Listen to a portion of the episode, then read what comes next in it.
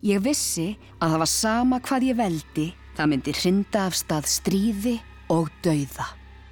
Ingi gerður dóttir Svíakonungs vil giftast Ólafi Noregskonungi en hann er svarin óvinnur föðurennar, Ólafs skautkonungs Eiríkssonar. Ingi gerður stendur frammi fyrir ómögulegu vali. Ef hún fylgir hjarta sínu, munu konungarnir tveir halda áfram að berjast þar til annar þeirra lætur lífið. Í örvangtingu sinni veikist hún af lífshættulegri hitasótt en í óráðinu byrtist henni sín um eigin örlög. Ég hugsaði með mér að nú væri ekkert að óttast lengur. Nú vissi ég hvað ég yrði að gera. Þú ert að hlusta á vikinga og setni hluta sögunar af yngigerði Ólafsdóttur. Snemma morguns við upphaf júnimánaðar árið 1018. Hinn 18 ára gamla yngigerður stendur á bryggjunni og sér þrælana ferja um borð allt sem hún þarf að hafa með sér yfir í nýja lífið. Hún er föl og tekin eftir sóttina og augun eru bólkin eins og hún hafi grátið. En augnaráðið er staðfast því nú veit hún hvað hún þarf að gera. Hún verður að halda í austurátt og giftast voldu af fyrstanum Jarisleifi. Í óráðinu sá ég allt svo skýrt. Framandi borg með kirkjuturnum sem styrndi á í sólinni. Þannig áttaði ég mig á því að það var ekki Ólafur sem mér var ætlaður. Mér var ætlað að verða drottning í Garðaríki. En um borð í skipinu á meðan Sigtún barnaskunnar verðað dukkubæjað baki henni hellast kvíðin og efin yfir yngigerði á ný. Hvernig mun Ólafur Noregskonungur bregðast við þegar hann áttar sig á því að hún hefur svikið hann? Og hvaða framtíð býður hennar án hans? Um hanna fer hrodlur og hún vefur gullbrittaðri skikkjunni þjættar að sér. Ég hef glatað öllu, hugsar hún. Öllum þeim sem ég hefur nokkur tíma þótt væntum. Þessu hugsun fyllir hann af sorg en líka undarlegum létti. Í hólmgarði gæti kvorki Ólafur, nýja fadur minn, dreyið mig inn í þetta stríð þeirra. En yngi gerður veit ekki að fortíðin mun fylgja henni yfir eistrasaltið. Manneskja sem henni er kær mun skjóta upp kollinum á ný og flóttin mun leiðana á vettvang nýra átaka þar sem hún fær sjálf afgerandi hlutverk.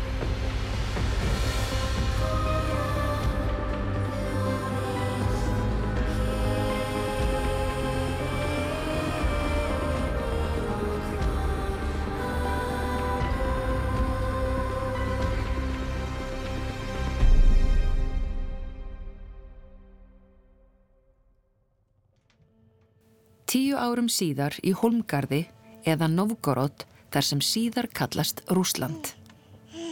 Ingi gerður setur og gefur yngstu dótturinni brjóst. Herbergið er innréttað samkvæmt nýjustu tísku í kreðsum heðarfólksins í borginni. Teppin, húsgögnin og dúkarnir eru að vandaðast að toga og koma hvarvetna að úr hennum þekta heimi. Allt frá Skandinavíu til Bísansríkis. Þetta er herbergi sem sæmir írenu drottningu, eins og þegnarnir kallana. Skindilega er hurðinni hrundið upp og innskálmar maður í fullum herrklæðum. Hann er ungur en tekin í andliti.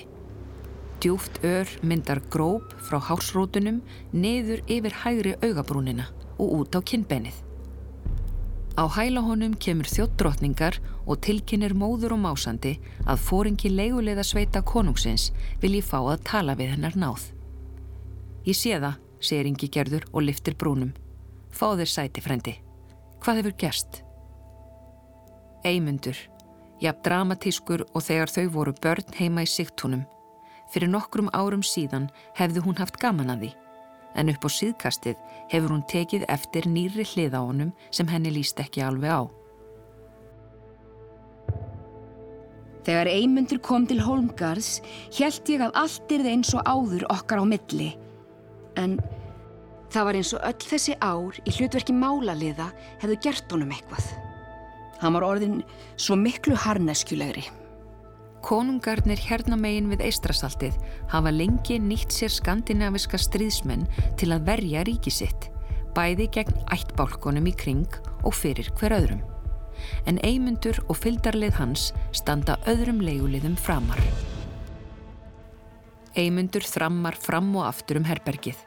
Hann þrýstir klúti að ennunu, klúturinn fyllist skjótt af blóði sem tekur að renna í taumum niður andletið og drópar svo niður af hugunni. Ingi Gerður og Jarisleifur fusti sitja örug hér í höllinni á meðan menn Eymundar deyja í bardögum með halvbróður Jarisleifs, segir hann. Í dag misti hann tíu menn í umsátri. Sestu, segir hún stuttaralega og ítir eimundi ofan í einn af útskortnu stólunum. Það drýpur blóð á teppið. Ingi gerður andvarpar. Ég hafði verið gift Jarist Leifi í tíu ár og allan þann tíma hafði hann staðið í stríði við Vartileif hálfbróður sinn um völdin yfir Gardaríki. Eymundur, byrjar hún, þú ert mér sem bróðir og ég met trygg þína mikils en við þessu orð ríkur eimundur upp úr stólnum. Hann segir að yngi gerði sér tamt að tala um fjölskyldubönd. En hvar er treyð hennar við hann? Hann hættir lífi sínu á hverjum einasta degi en hefur enn ekki fengið greitt fyrir. Jaresleifur getur ekki gengið að stuðningi mínum sem vísum, reytir hann út úr sér, áður en hann stormar út úr herberginu og skilur blóðuga slóð eftir sig á teppinu.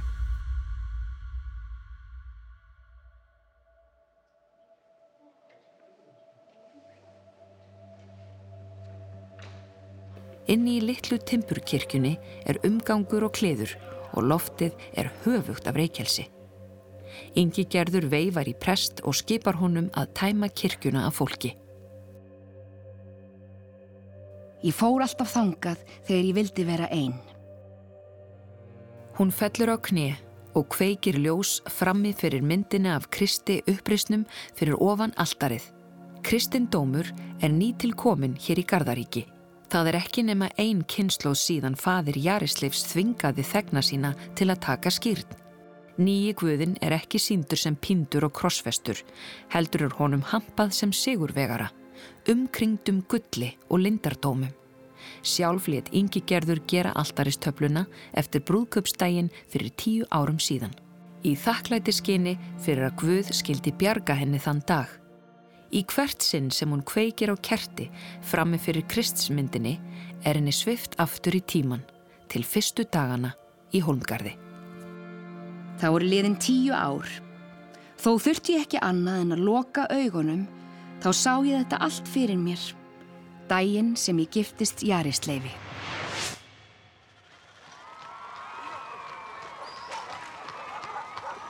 Brúðkaupsfyldin hlikkjast áfram millir timburhúsana við þröngar götur Húngarðs. Á undan vagninum þar sem konungurinn og brúður hann setja ganga prestar í skósíðum kuplum, rauðum, grænum og gildum. Fólk fagnar og lætur blómum regna yfir brúðhjónin á meðan lífverðirnir halda því í skefjum með sverðum sínum. Við hlið yngi gerðar í opnum vagninum setur maðurinn sem hún á að búa með þar sem eftir er æfinar. Jarisleifur fyrsti, helmingi eldri en hún sjálf.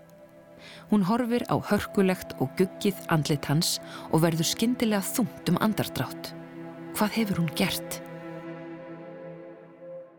Ég, sem var ennþá ástfangin af Ólafi konungi, hvernig átti ég að fara að því að búa með þessum manni? Hann verðist finna fyrir augliti hennar því hann snýr höfði og brosir til hennar. Hlýju og opnu brosi. Hann leggur hrjúfa hönd sína á hennar. Þá róaðist ég. En strax þetta sama kvöld áttaði ég mig á því að lífið sem drottning í holmgarði er þið ekki hættulust.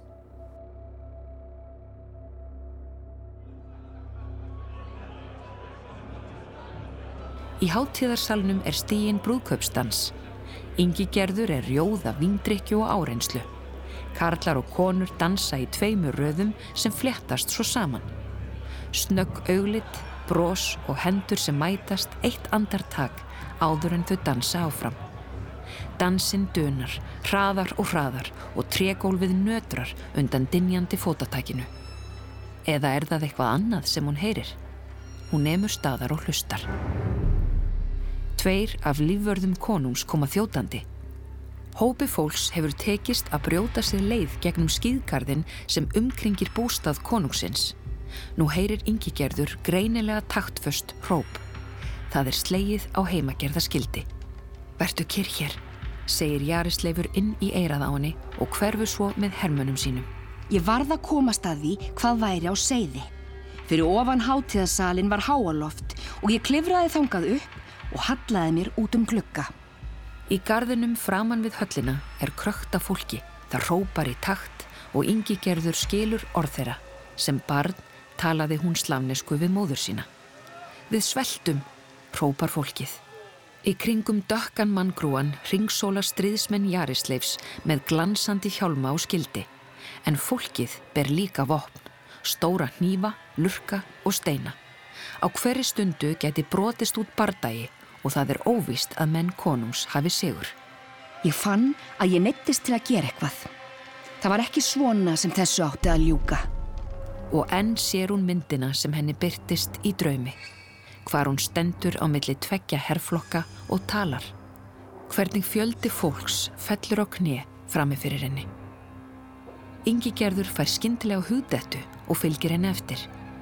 Utan við gluggan er lítil silla. Ingi gerður losar kindil af vegnum og klifrar út.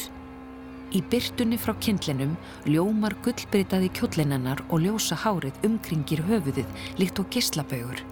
Einhver kemur auða á hana og bendir og þegar hún rópar yfir andlitin sem horfa upp til hennar öðlast rött hennar styrk og hljóm af einhverju sem er stærra en hún sjálf.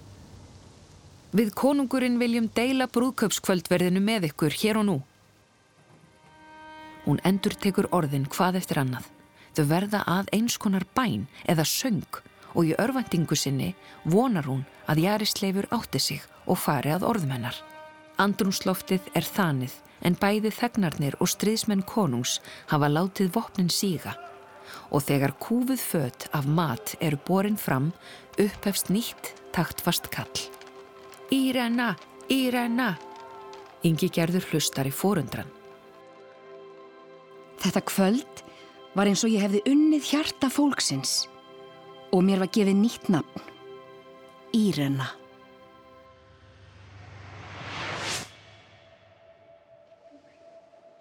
Ingi gerði er kift út úr höll minningana þegar heitt vaks tekur að drjúpa á fingur hennar.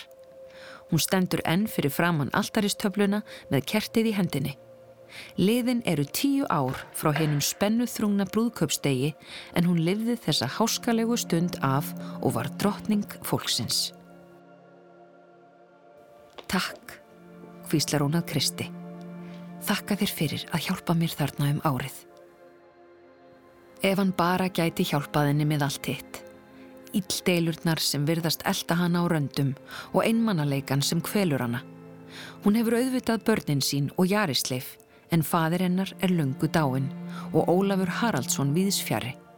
Sá eini sem hún á ennþá að úr sínu fyrra lífi er eimundur, en nándin sem áður ríkti á milli þeirra er horfin.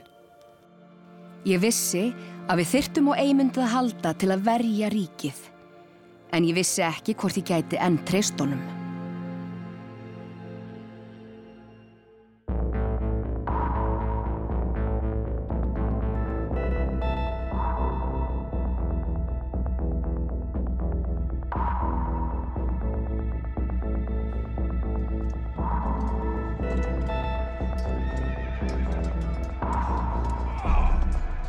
Eymundur spyrnir fæti í brjóst óvinnarins og kippir sverðinu út. Blóð, innibli og saur vella út úr líkinu. Eymundur stýgur aftur á bakk til að ná jafnvægi á fórugum árbakkanum. Hann andar óreglulega, másar og blæs. Hann verkjar í síðuna. Jarisleifur, þessi anskoti, lætur Eymund um að verja borgina en felur sig sjálfur heima í höllinni hjá yngigerði. Yngigerði sem fjekk að eiga föður, móður og arf og meðan hann, frendi hennar, átti ekki annað en djúbstæða þrá eftir að komast til vex og valda. Síðustu árin hefur Eymundur þjónað þeim fyrsta sem best borgar og getið sér orð sem ókveikjandi stríðsmaður. Þegar yngi gerður baðan að koma til Hungarðs, held hann að þar lægi framtíðin, að yngi gerður myndi reynast honum vel. Þau eru jú frændfólk og ólust upp sem sískinni. En nú er hann farin að efast. Getur hann raunverulega trist á hana? Gamla reyðin og biturleikin fylla hann enn á ný. Og með reyðinni endur heimtir hann kraftin. Hann opnar munnin og öskrar, geysist fram á við, trafkar á dauðum og deyjandi mönnum. Heift óðins kemur yfir hann þegar hann þarnast hennar. Það er það eina sem hann getur treyst á.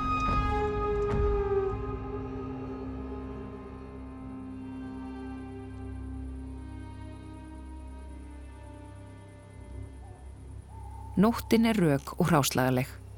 Örmagna hafa menn eimundar fallið í svefn en sjálfur vakir hann. Skyndilega styrnar hann upp. Hófatak. Hann sprettur á fætur og dregur sverðið úr slíðrum. Að baki hans gera sveppdruknir menn hans líktið sama.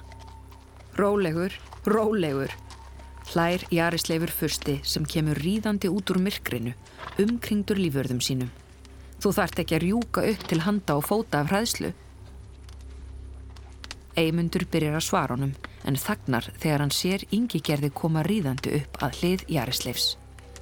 Hann neyði sig styrðlega eins og við hefðum aldrei hist. Jarisleifur lítur niður á Eymund og nú er hann hættur að brosa. Hvers vegna í óskupunum hefur Eymundur hleyft óvinninum svo nærri homgarði, spyr hann. Rödd Eymundar nötrar af reyði. Hvers vegna ég óskupunum, spyr hann, hafa kvorki hann nýja menn hans fengið nokkuð greitt allan þann tíma sem þeir hafa barist fyrir Jarisleif. Sé hann ekki nógu góður stríðsmaður fyrir herran, þá munu aðrir gladir borga fyrir þjónusta hans, heldur Eymundur áfram. Furstinn svarar því kuldalega til að þeir fái greitt þegar þeir ljúka við verkefnið. Ingi gerður hlustar með vaksandi óróa á þrefið í körlunum. Helst vildi hún segja við á báða að þetta stríð muni aldrei enda með sigri. Að gáfulegast væri að semja frið við vartileif. En hún veit að það stóðar ekkert. Þess vegna lagði ég bara hönd á armjarist leifs og sagði að nú væru allir orðnið þreyttir og við skildum ræða þetta betur síðar. Eymundur stendur kyrr og horfir á eftir þeim ríða burt. Svo gefur hann skipun um vaktaskipti og lítur til þeirra serðu úr flokki sínum. Þegar nóttin er sem dimmust, leggur hann á hest sinn og rýður út á slettuna. En Eymundur er ekki svo eini sem fer um á hestbaki þessa nótt. Stans, hver fer þar? Tveir verðir stíga fram með brugðin sverð. Svo þekka þeir drotningu sína og neyja sér djúft. Ég er að leita að fóringja ykkar, segir Ingi Gerður með hraði. Hún vonar að hún hljómi ekki eins örfandingarfull og hún sannarlega er.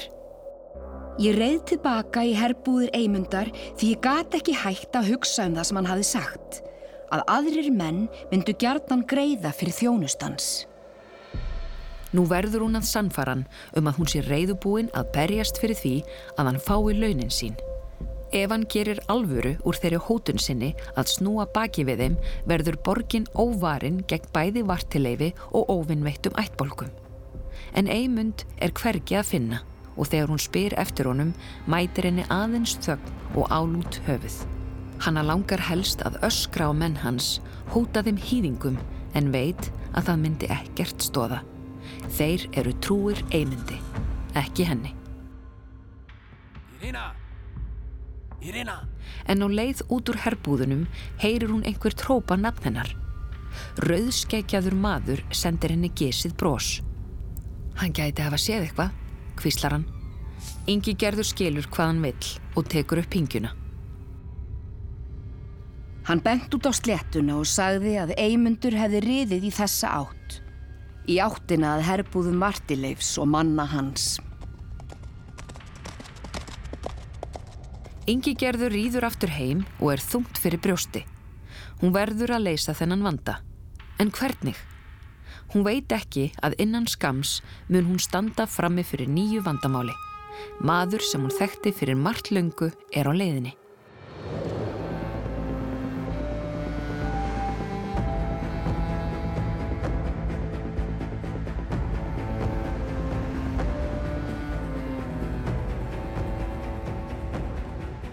Sjáðu Magnús, þarna er Holmgarður, segir Ólafur og bendir á borgina sem breyður úr sér begja megin árinar. Átta ára gamall drengurinn kingar þögull kolli. Honum er ískallt í rökum haustvindunum og hann er úrvinda eftir ferðalæð. Þeir fá leifi til að leggja aðbryggju með skipin sín þrjú. Þau eru það eina sem eftirstendur af flótanum glæsilega sem Ólafur Haraldsson Noregskonungur átti eitt sinn. Í vagninum á leið til Hallarinnar tekur Ólafur um axlir sonarins. Á strætunum millir timpurhúsana, úir og grúir af fólki sem treðst áfram, hrópandi á skandinavísku, slavnesku og arabísku. Um höfnina í Holmgarði flæðir fólk og vörur frá hinnum þekta heimi gjörfullum. Frá Norðurlöndunum, um Gotland, þaðan sem Ólafur er að koma og alla leið til Bísans. Efnaðir menn í borginni kaupa sömu vörur og eru eftirsóttar í Sigtúnum, Bjarkæ og Konstantinopel. En Ólafur er ekki hingað komin til að vesla. Ég fekk bóð um að Ólafur Haraldsson vildi hitta mig. En ég átti erfitt með að trúa því að það væri hann. Þegar Ingi gerður kemst að því að það er Ólafur sem vil finna hana er líkt og hún ferðist aftur í tíman eina stjörnu bjartar nótt við laugin. Það var þá sem hún hitti norska konungin í fyrsta skipti, ungan og hugdjarfan konung sem átti í útistöðum við föðurennar. Hún hafði komið til fundar við Ólaf í barnalegri viðleitni til að semja frið á milli konungsríkjana. En ég bjóst sannarlega ekki við því að verða ástfungin. Eftir þennan fyrsta fund þeirra bað Ólafur hennar og stórmenni í báðum löndum kvöttu til hjónabandsins. Hér gafst raunverulegt færi á að koma á friði en fadir yngigerðar neytaði og hún stóð frammi fyrir ómögulegu vali. Þegar hún loks valdi Jarisleif taldi hún það standa upp á sig að tryggja frið á melli svíja og norðmanna. Lausnin var svo að bjóða Ólafi hennar eigin hálfsistur á stríði. Ólafur, Ástriður og fadir hennar samþyktu öll tiluguna. Ingi Gerður hafði verslað með sjálfa sig og öðlast þá ísköldu sannfaringu að hún hefði með höndum stærra verkefni en sínar eigin tilfinningar. Ég hafði gert upp hugminn, en auðvitað veldi ég því stundum fyrir mér hvað myndi gerast ef við hittumst aftur.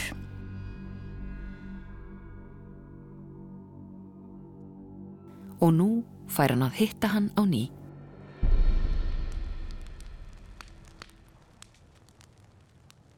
Hann var breyttur maður. Það sá ég strax. Í ísbláum augunum er nánast ofstækisfullur gljái en út úr munvikunum tegja sig djúpar óanægjurrökkur. Ingi gerður hlustar á meðan hann segir frá því sem gerst hefur á síðustu árum. Hvernig hann hafi ferðast um Noreg til þess að kynnast þegnum sínum og til að kristna þau sem enn heldu fast við hefnina. Stundum hafi hann neðist til þess að sína hörku og því hafi margir snúist gegn honum. Svo brosir hann skindilega sínu gamla hlýja og áhyggjulösa brosi. Nú vil hann heyra hvernig yngi gerði hefur farnast síðan þau skildu. Og þegar Magnús sonur hans er sopnaður á gærunni fyrir framann eldstæðið er engu líkara en að þau sé að halda áfram sama samtali og þau hófu þessa sömurnótt við laugin 11 árum áður. Engu tíma þetta kvöld lagðan hönd sína á mína og ég leta hann að vera þar.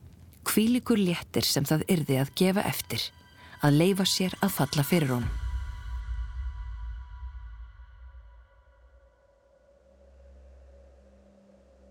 Sama kvöld, skamt frá hólmgarði, hallar eimundur sér aftur á bakk í stólnum. Í fyrsta sinn í margar vikur finnur hann fyrir rósamt. Um hann flæðir hlýja sem orsakast ekki bara af eldinum, grillaða kjötinu og vínunu sem ambáttin hellir í glasið. Andspænus honum í tjaldinu setur vartileifur, hálfbróðir Jarisleifs. Hann segist lengi hafa fylst með framgangi eimundar, hugur ekki hans og herrkensku, hvernig menn hans treysti á hann í blíðu og stríðu og auðvitað muni eimundur fá borgað, þegar í stað. Vartileifur dregur af sér arband úr gegn heilu gulli og réttir eimundi. Vartileifur sínur honum virðingu. Þó fylgir því undarleg tilfinning að sitja í tjaldi hans og skipulegja áhlaup gegn jarisleifi og yngegerði. Um hann fyrir stingur þegar hann hugsar til fóstursistur sinnar og alls sem þau gengur saman í gegnum sem börn en svo man hann hversu köld rött hennar var þegar hann bað hana um hjálp þar sem hún satt í höllinni og hyrð fólkið snerist í kringum hana. Sestu, það drýpur blóð á teppið. Eymundur bendir ambáttinni að koma og fylla á glasið. Drottninguna má ekki saka, segir hann. Öðvitað ekki, segir Vartileifur. Við erum engir villimenn.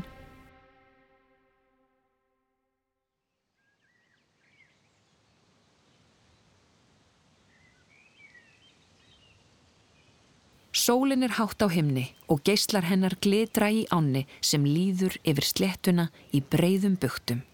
Ólafur og yngigerður standa á skójivaksinni hæð, eina blettinum sem gnæfir upp úr flötur landslæginu. Ólafur sagði mér frá öllu sem hafi gerst, hvernig höfðingjarnir hefðu svikið hann um samsærið gegn honum og já, hvernig þeir feðgarnir hefðu loks neðst til að leggja á flóta. Ingigerður hefur fengið að heyra hvernig hann fór með báli og brandi um Noreg og blindaði og limlesti bændur sem heldu fast við gömlu trúna.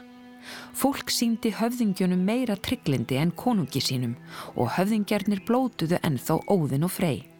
Stundum er rétt að sína hörku, hugsa hún, en það verður að velja tilefnið vel. Já, ekkert eftir, segir Ólafur skindilega. Þú átt vinóttu mína, svarar yngigerður. Og Jarisleifs? Hér í Garðaríki eru mörg stór héruð þar sem Jarisleifur þarf á sterkum fyrsta að halda. Um leiðu hún sleppir orðinu, veit hún hvað Ólafur hugsar. Hann vill ekki vera undirsáti nokkurs manns. Ég er hjálpar þurfi, segir Ólafur. Og eina manneskjan sem ég kom til hugar varst þú. Hann útmálar hvernig hann hyggst endur heimta landsitt með flota Jarisleifs. Noregur og Garðaríki í bandalagi með Guðs hjálp. Það var þá sem ég áttaði mig á því hvers vegna hann var komin til mín. Þegar augu þeirra mætast aftur sér hún að hann skilur fyrr en skellur í tönnum. Hún mun bregðast honum öðru sinni. Fyrst svo er komið segist Ólafur aðeins byggja um eitt að hún annist Magnús litla. Ólafur muni koma aftur og sækjan. Tárin eru logandi heit á bakvið auglókin en yngi gerður heldur aftur af þeim. Það vil ég gjarnan, segir hún. Þau vita bæði að hann mun ekki snú aftur. Hún er að senda hann út í opin döðan. Það var skelvilegt. En þetta var hans stríð ekki mitt.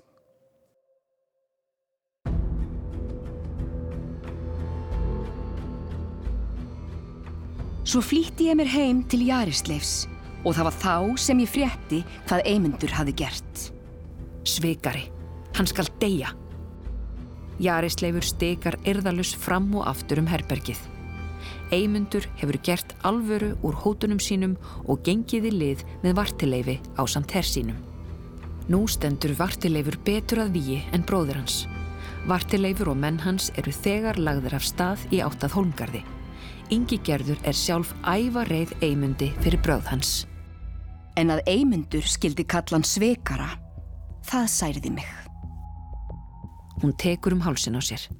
Það er eins og eitthvað þrengi aðinni og hún nær varla andanum. Hvernig sem stríðinu líkur mun einhver sem hún elskar láta lífið. Ef vartileifur sigrar, deyr Jarisleifur. En ef Jarisleifur vinnur, mun hann koma fram blóðugum höndum á eimundi. Ingi gerður er þegar búin að missa Ólaf. Hún má ekki missa eimund líka. Hún verður að taka til sinna ráða. Um kvöldið þegar Jarisleifur kemur inn í herbergi konu sinnar er það mannlaust. Ingi gerður er á bak og burt. Þjótt segist hafa séðan að fara út úr borginni í fylld tíu vopnaðra manna. Ég varð að ræða við Eymund. Ég gati ekki trúa því að hann hefði snúist gegn okkur. Ég yrði einfallega að koma honum aftur heim hvort sem hann kærði sig um það eður ei. En þannig fór það ekki.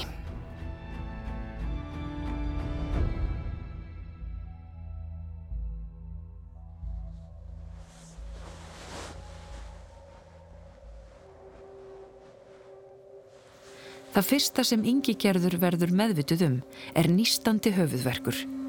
Það næsta er rödd eimundar sem dinur í höfði hennar. Ég sagði að drottninguna mætti ekki saga. Hún reynir að líta til hliðar en fyllist ógleði og hættir við. Undrigefin rödd svarar því til að drottningin hafi því miður fallið af hestbæki þegar átti að taka hana til fanga. Fyrst ringsnýrist allt í höfðin á mér en svo fór eitt og annað að rifjast upp. Ráðagerð mín frá því nokkrum dögum áður hafi mistekist hrapalega.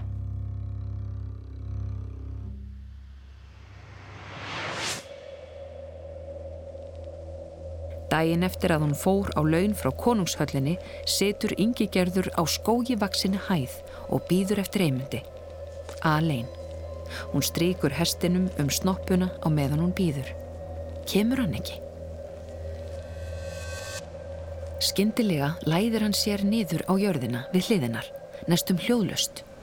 Að hugsa sér hvað þau sátu oft hlið við hlið úti í skógi og hvað allt er nú breytt. Eymundur brosir til hennar en það er tortregni í augnaráðinu. Ertu einn? spyr hann. Hún kinkar kolli. Mér dætt í huga þú vildir semja við mig, segir hann. En nú til dags er ég ansi dýr, dýrari en þú hefur efni á, grunnar mig. Svo snar þagnar hann. Ingi gerður hefur tekið af sér annan hanskan og veifar honum til og frá eins og til þess að reka burt flugur.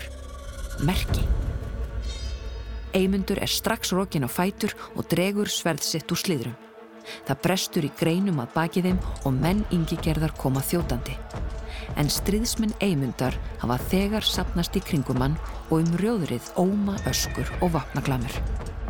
Yngigerður flegir sér upp á hestin og fer á stökki út úr rjóðrinu. Tveir menn með skildi stíga í vekk fyrir hana. Svo fann ég að hesturinn rasaði og ég kastaðist fram á honum. Það var það síðasta sem ég myndi.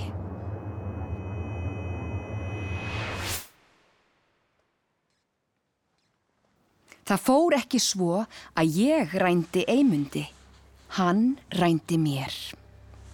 Eymundur byrtist á sjónsviði hennar þar sem hún liggur. Hann er órólegur á að líta. Hún finnur hann þreyfa höfuð hennar varlega. Ekki snerta mig, heitrófin þinn, muldrar hún og tárast að reyði. Eymundur kipist til. Svo tekur hann á sig rögg og spyr hvort þeirra það hafi verið sem ætlaði að nema hvern á brott að bóða fósbróður sinn á fund úti í skógi og fela tíu ryttar að baki sér. Hvað er það annað en sveik? Hvað ætliði að gera við mig? spyr Ingi gerður.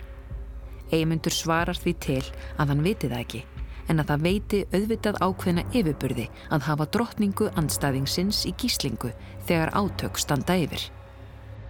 Þá áttaði ég mig loksins. Ég var fangi í herbúðum vartileifs og á engi í nokkura kílometra fjarlægð undirbúa herir þeirra vartileifs og jarisleif sig fyrir orustum morgundagsins sem gera mun út um deilurnar.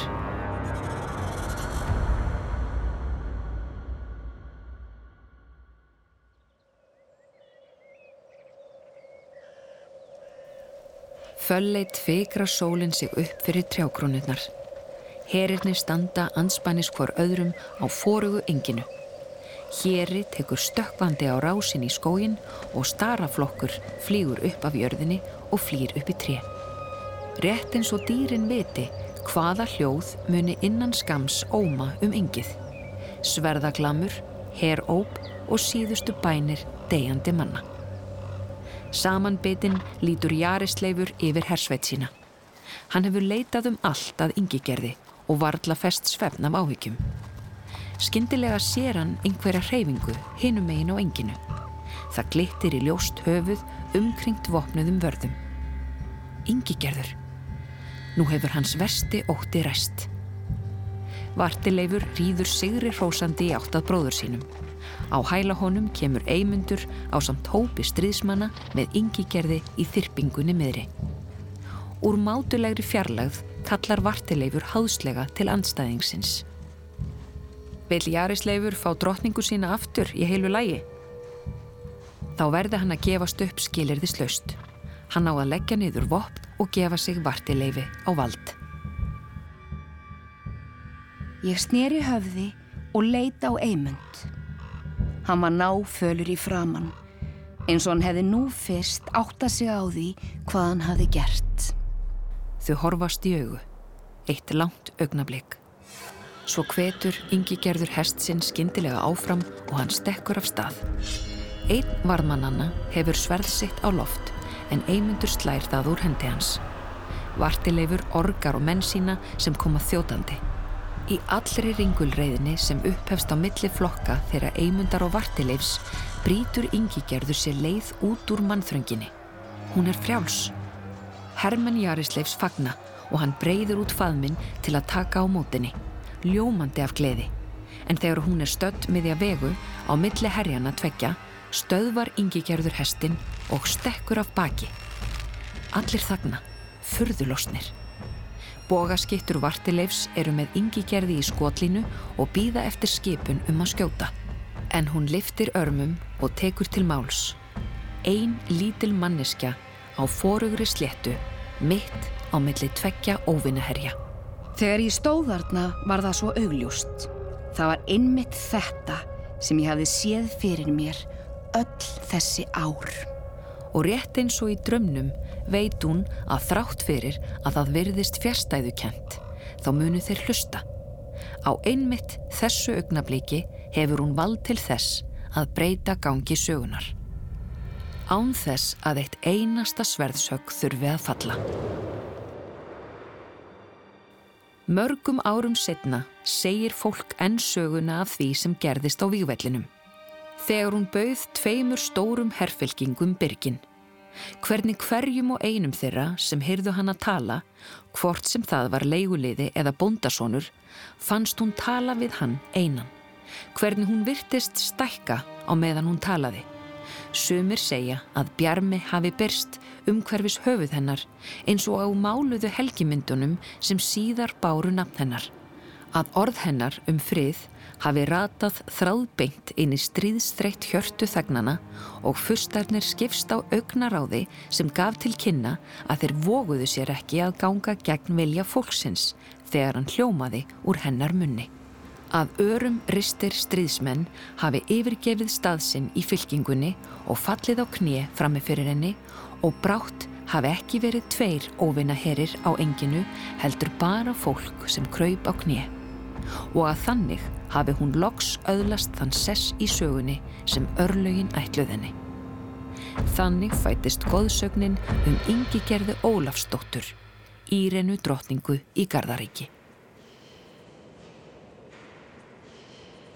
Í Dómkirkju heilagra Sofíu í Kív í Úkrænu er að finna gríðarstóra marmarkistu Þar er talið að hinn sænska yngigerður Ólafsdóttir, Írena prinsessa af kænugarði, hafi verið lögð til hinstu kvílu. Yngigerður er bæði nefnd í væringjasögu og í sögum Snorra Sturlusonar og hennar er minnst sem mikilhæfs erindrega og hagsins stjórnmálafans. Snorri segir frá því hvernig hún samti frið en að öðru leiti var stjórnartíð yngigerðar og Jarisleifs tæpast friðsæl. Rétt eins og allir fustar í Gardaríki háði Jarisleifur stríð starsta hluta æfisinnar. Saman byggðu þau yngigerður upp hinn nýja kænugarð með ótal kirkjum en þeirra helst er geysi stór domkirkja að bísanskri fyrirmynd. Yngi gerður sem loks varð hinn dáði dýrlingur heil og anna var meðal þeirra ráðamanna sem skópu hinn að nýju kristnu Evrópu.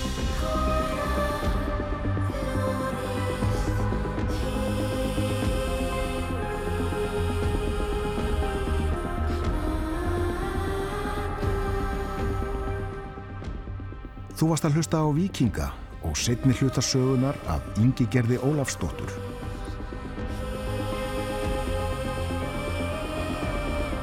Í næstu viku heyrum við af Haraldi Hardráða, leiguleðanum í Bísansríki sem varð konungur yfir Noregi. Tveir úlingar högfa sér leið inn í stríðandi mannþröngina. Þeir renna til í blóði og góri döðra manna. Þeir mæta mönnum með afmynduð andlit af hryllingi og döðans ángist og veit ekki lengur hvort aksir þeirra hafna í vinum eða óvinum. Lesari Tinnar Rapsdóttir. Í hlutverki yngigerðar var Marja Heba Þorkelsdóttir.